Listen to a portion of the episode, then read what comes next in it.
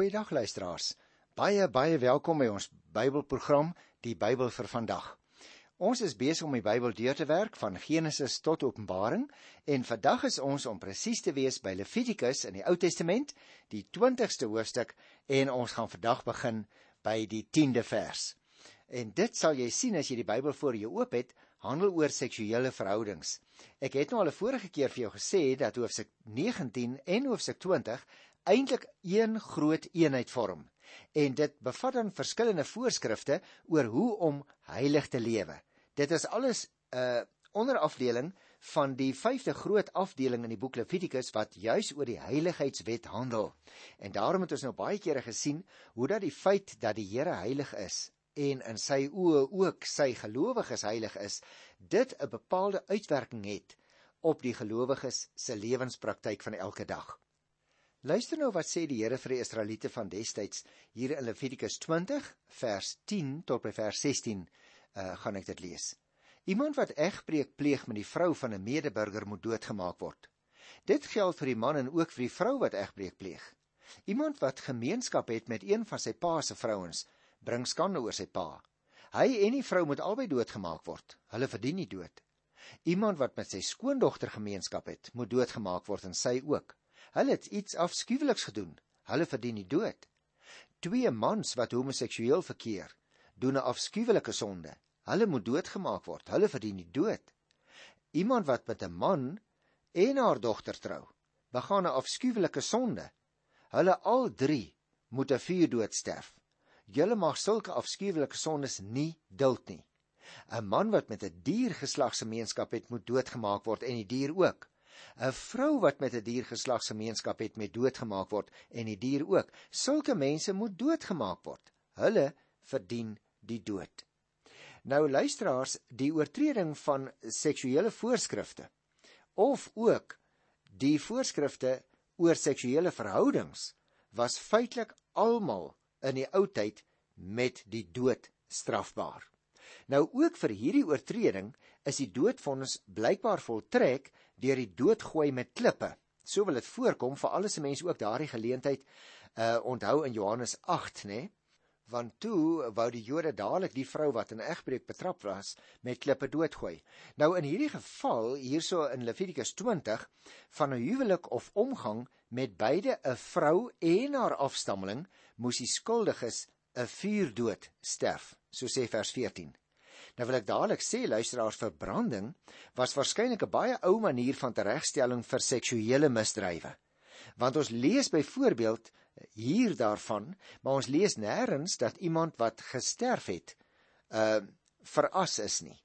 Nou dit was maar net 'n gebruik van daardie tyd. Die Bybel verbied dit nêrens nie en daarom uh vir mense in ons tyd wat hulle wel dit uh, wil laat veras, is daar nie werklik Bybelse gronde daarteenoor nie. Luister nou hier van die 17de vers af tot by 21. As 'n man met sy suster of halfsuster se toestemming gemeenskap met haar het, is dit 'n skandelike daad. Hulle moet in die openbaar van hulle volksgenote afgesny word. Hy het skande oor sy suster gebring en moet die gevolge dra. As 'n man met die toestemming van 'n vrou wat menstrueer gemeenskap met haar het, moet albei afgesny word van hulle volksgenote. Niemand mag gemeenskap hê met sy tante aan moederskant of aan vaderskant nie, want sy is 'n naaste bloedverwant. As dit wel gebeur moet albei gestraf word. As iemand met sy oom se vrou gemeenskap het, bring sy hy skande oor sy oom. Die man en die vrou moet die gevolge dra. Hulle sal sterf as mense wat alle regte verbeur het. As 'n man sy broer se vrou afneem, is dit 'n skandelike daad. Die man het skande oor sy broer gebring die man en die vrou verbeur al hulle regte. Dit is is duidelik luisteraars. As ons kyk na die opset van destyds en na hierdie wetgewing, die enigste seksuele misdrywe wat nie met die dood strafbaar was nie, was gemeenskap met eie of half of stiefsusters en eie en aangetroude tantes. Voorbedagte omgang met 'n vrou wat menstrueer of ook die afrokkeling van 'n broer se vrou. Die straf vir hierdie oortredings was in twee van die gevalle dat hulle afgesny word van die volksgenote. Uit die feit dat dit in die openbaar moes gebeur, kan ons waarskynlik aflei dat ons hier te doen het met 'n geval waar die Here die skuldiges met 'n ramp nie getref het, maar dat die skuldig uit die gemeente skuld aan moes word. In die ander gevalle was die straf dat hulle by hulle mense kon bly, maar dat hulle al hulle regte verbeur het.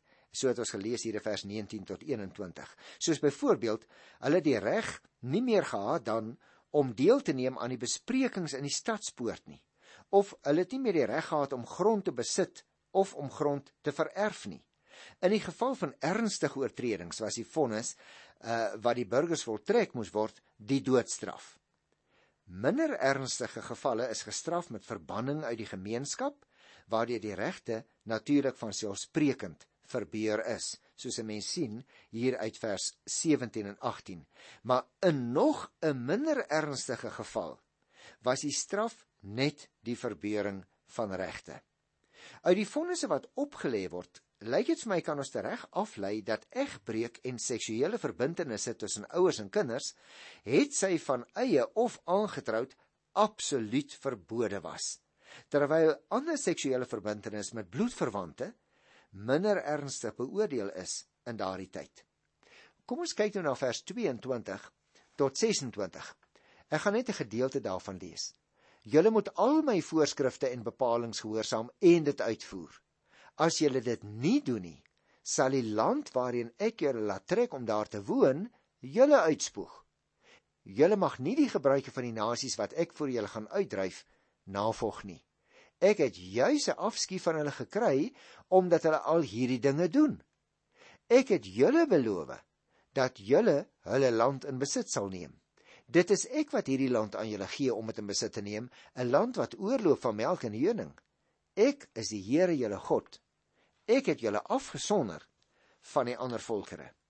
Nou luisteraars, die oproep wat ons hier kry tot gehoorsaamheid en reinheid en afsondering van die nasies sluit inhoudelik aan by die 18de hoofstuk. Maar dit gryp ook nog so 'n bietjie verder terug na die reinheidswette wat ons al reeds behandel het in hoofstuk 11. En die doel van al hierdie voorskrifte, so lyk dit vir my, naamlik om Israel rein te hou vir hulle diens aan die heilige God, kom ook weer hier na vore. En daarom die laaste uh, versie hier in vers 27. Enige mens wat hom ophou met die oproep van geeste of met beswering moet doodgemaak word. Hy moet met klippe doodgegooi word. Hy verdien die dood. En ons het al reeds daarna verwys dat in Deuteronomium 18 daar van die 18de vers af 'n mens hierdie spesifieke voorskrif dat hulle nie geeste mag uh, opgeroep het nie. Uh duidelik verbied is deur die Here aan die Israeliete. Nou as jy my nou sou vra luisteraar, miskien veral ook jy wat uh, nuut ingeskakel het, waaroor gaan dit nou eintlik uh, hier in die boek Deuteronomium? Dan het ek 'n vorige keer al gesê, dit gaan oor die heiligheid van God en as gevolg van sy heiligheid die reinheid en die heiligheid van lewe vir sy volgelinge. Maar miskien is dit goed dat ek net voordat ons met die volgende hoofstuk aangaan, net 'n paar woorde weer daaroor sê. Want jy sien die inhoud van die boek het dus direk te doen met die diens van die Israeliete aan God. Die eerste deel wat ons behandel het is gerig op die diens aan die heiligdom. Dit wil sê in die kultus, terwyl die laaste deel van die boek uh hoofsaaklik die lig laat val op die lewe van die Israeliete buite die heiligdom met die oog daarop dat die pad na die erediens toe in die heiligdom vir hulle oop sou wees. En daarom is die boek bedoel vir die priesters en spesifiek vir die Israelitiese burgers.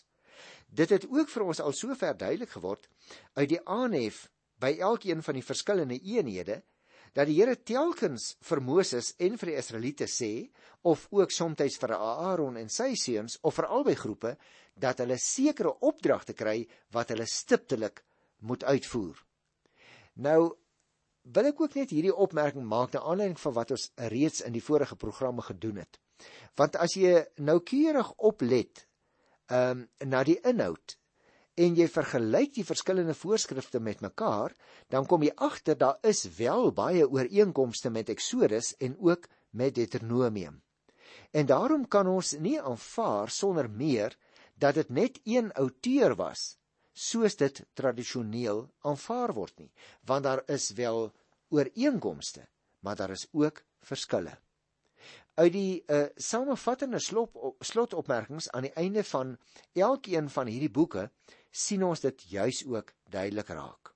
Nou as 'n mens nou die kernboodskap van Levitikus moet saamvat, dan dink ek 'n mens kan sê dit is wees heilig. In Eksodus word vertel hoe God sy volk verlos en die verbond met hulle gesluit het.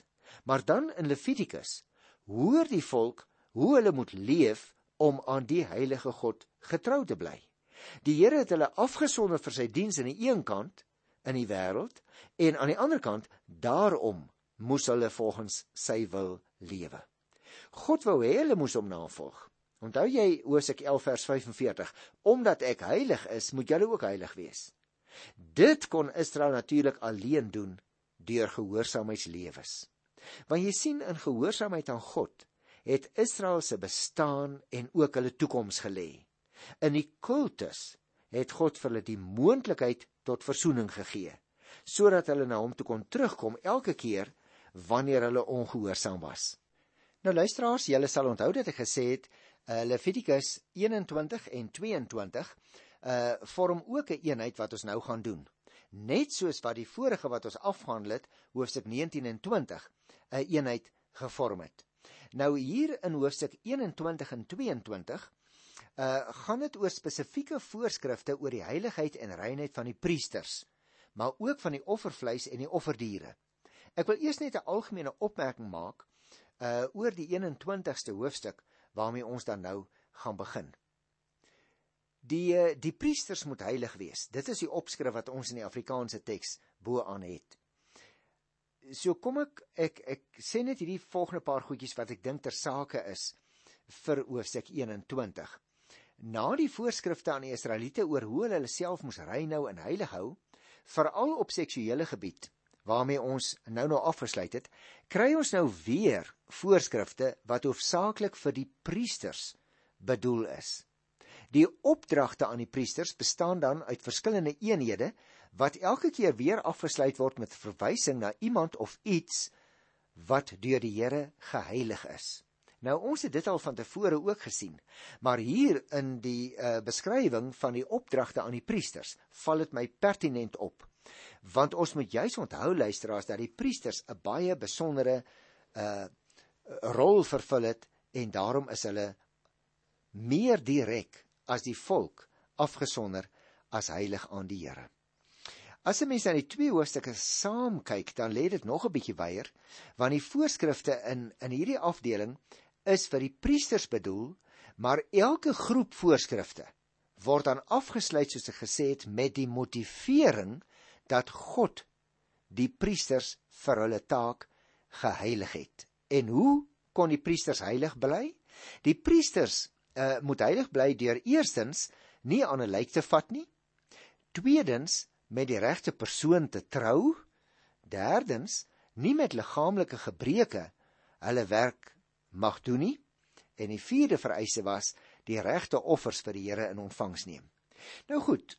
Ehm um, ons begin dan dadelik by Levitikus die 21ste hoofstuk by vers 1 en ek gaan dit lees van vers 1 tot 9.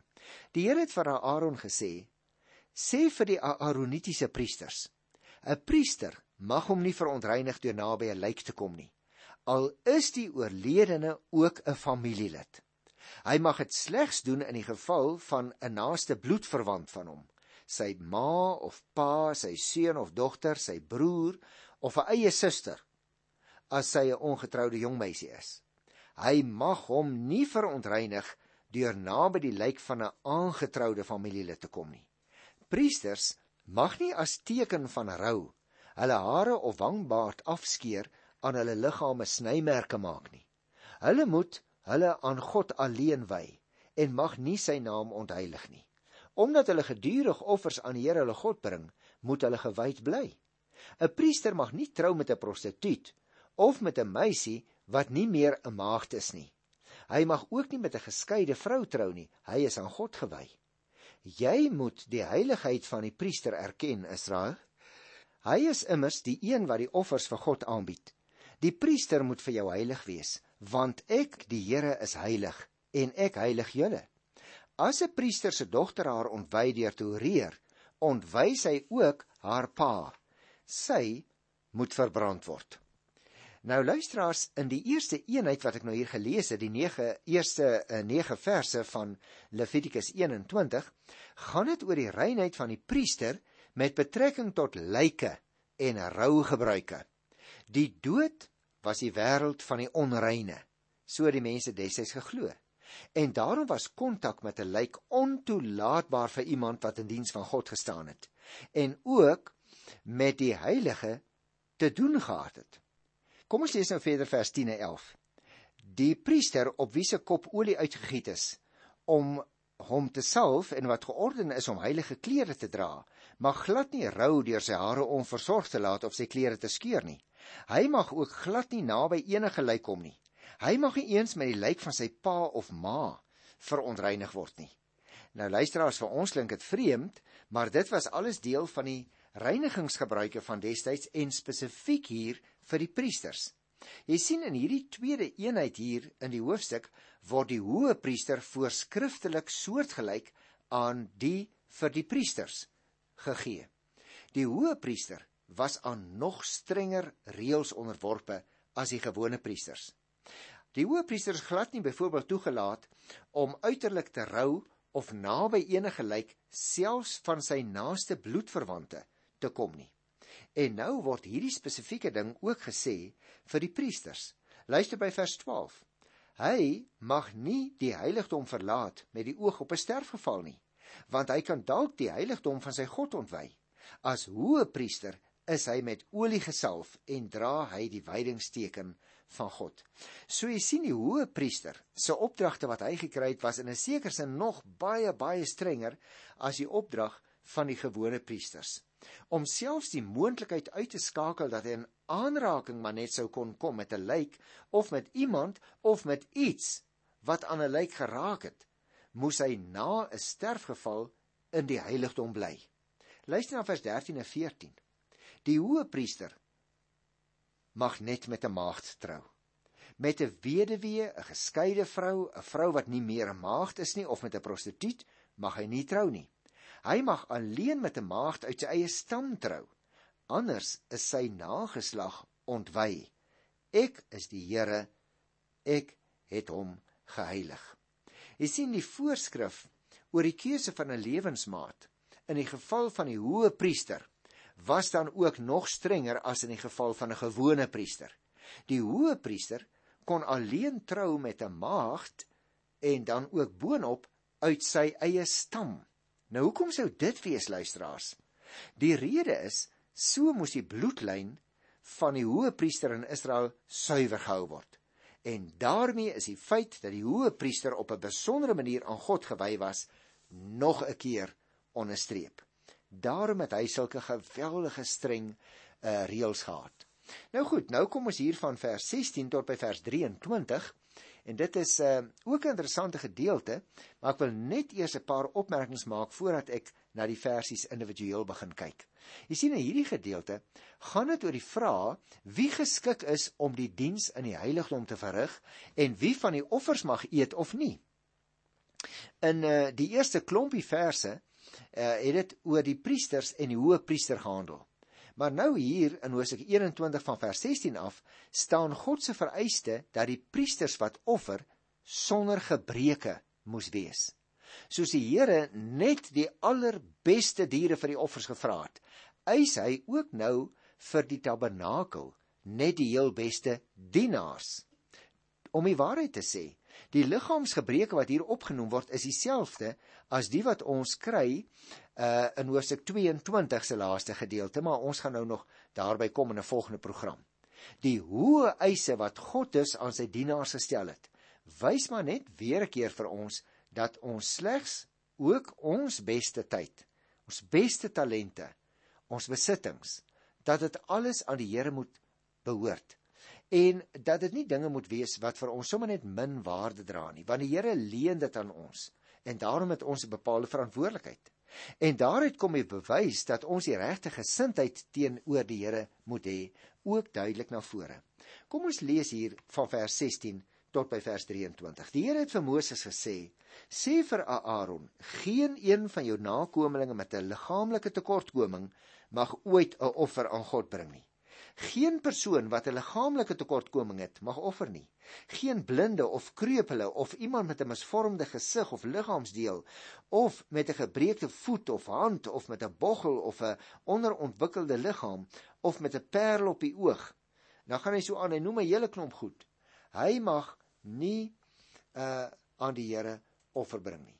Nou luisteraars vir jou vir my klink dit natuurlik baie baie erg want ons leef in die nuwe bedeling waarin Christus vir ons betaal het. Daarom gaan dit nie oor my eie volmaakte liggaam nie, maar dit gaan daaroor of ek Jesus Christus en sy offer wat hy in my plek gebring het, aanvaar en of ek dit nie aanvaar nie. Nou as ek nou in meer detail oor hierdie opmerkings moet gesels, dan sou ek net so 'n paar opmerkingies wil maak. Hier in hierdie gedeelte word voorskrifte gegee aan wie van die priesters mag offer. En jy het opgelet, daar word groot klem gelê en ook selfs met groot klem herhaal dat geen persoon wat 'n liggaamlike tekortkoming het, mag offer nie. Die lys van die gebreke wat ons nou hier kry in vers 18 tot 20, ehm um, is net voorbeelde. Maar die bedoeling is ongeskiktheid vir 'n besondere diens het egter nie beteken dat so iemand nie onder God se sorg was nie, hoor. Dit was net hierdie uitverkore klompie wat die priesterlike werk kon verrig. Maar mense wat gebreke gehad het, natuurlik, hulle was ook deel van die gemeenskap van die Here. 'n Priester met 'n gebrek kon geniet van alles wat die Here aan priesters toegesê het, ook die besondere gewyde gawes. Hy mag net nie geoffer het nie. En daarom sluit uh, die hoofstuk hier af aan die einde van Levitikus 21 met hierdie opmerking: Moses het toe vir Aaron en sy seuns en vir al die Israeliete dit gesê. Jy sien luisteraar, Moses en Aaron kon maar net aan die mense oordra wat die Here vir hulle gesê het. Hulle kon iets anders gesê het nie. En daarom die opdragte oor die heiligheid van die priesters was nie net van belang vir Aaron en sy seuns nie, maar die volk moes ook weet waarom 'n priester byvoorbeeld 'n sekere gedragspatroon moes volg wanneer iemand dood is. Hoekom? Want die Here het vir die priesters spesifieke opdragte gegee. Nou luisteraars, ten besluite wil ek net sê uh in hierdie program vandag, baie van hierdie goed mag selfs vir jou en vir my onbarmhartig klink. Dit mag ook vir ons klink dat die priesters op heeltemal 'n ander vlak was as die gewone mense. Nou wil ek dadelik sê, hulle was op 'n ander vlak in die sin van afsondering, want hulle het 'n baie spesifieke taak en 'n opdrag van die Here ontvang. Maar as mense was hulle nie op 'n hoër vlak nie.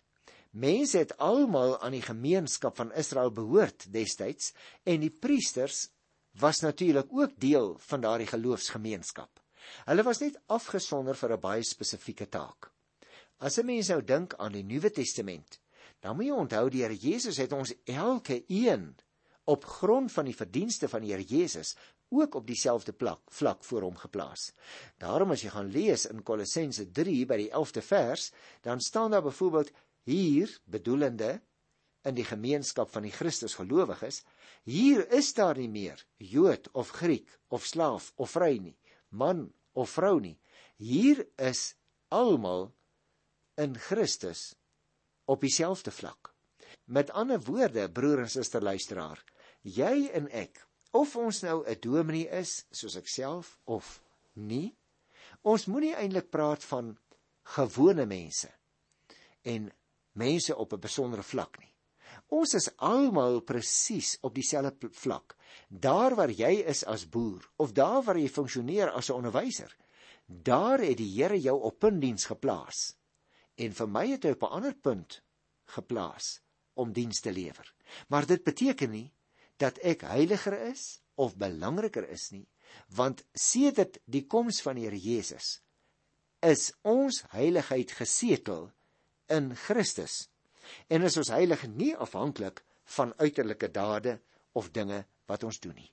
En daarom groet ek jou op dieselfde vlak as wat jy en ek voor die Here Jesus staan. Broer en suster in Christus, ek groet jou in die wonderlike wonderlike naam van Jesus Christus ons Here. En tot volgende keer. Totsiens.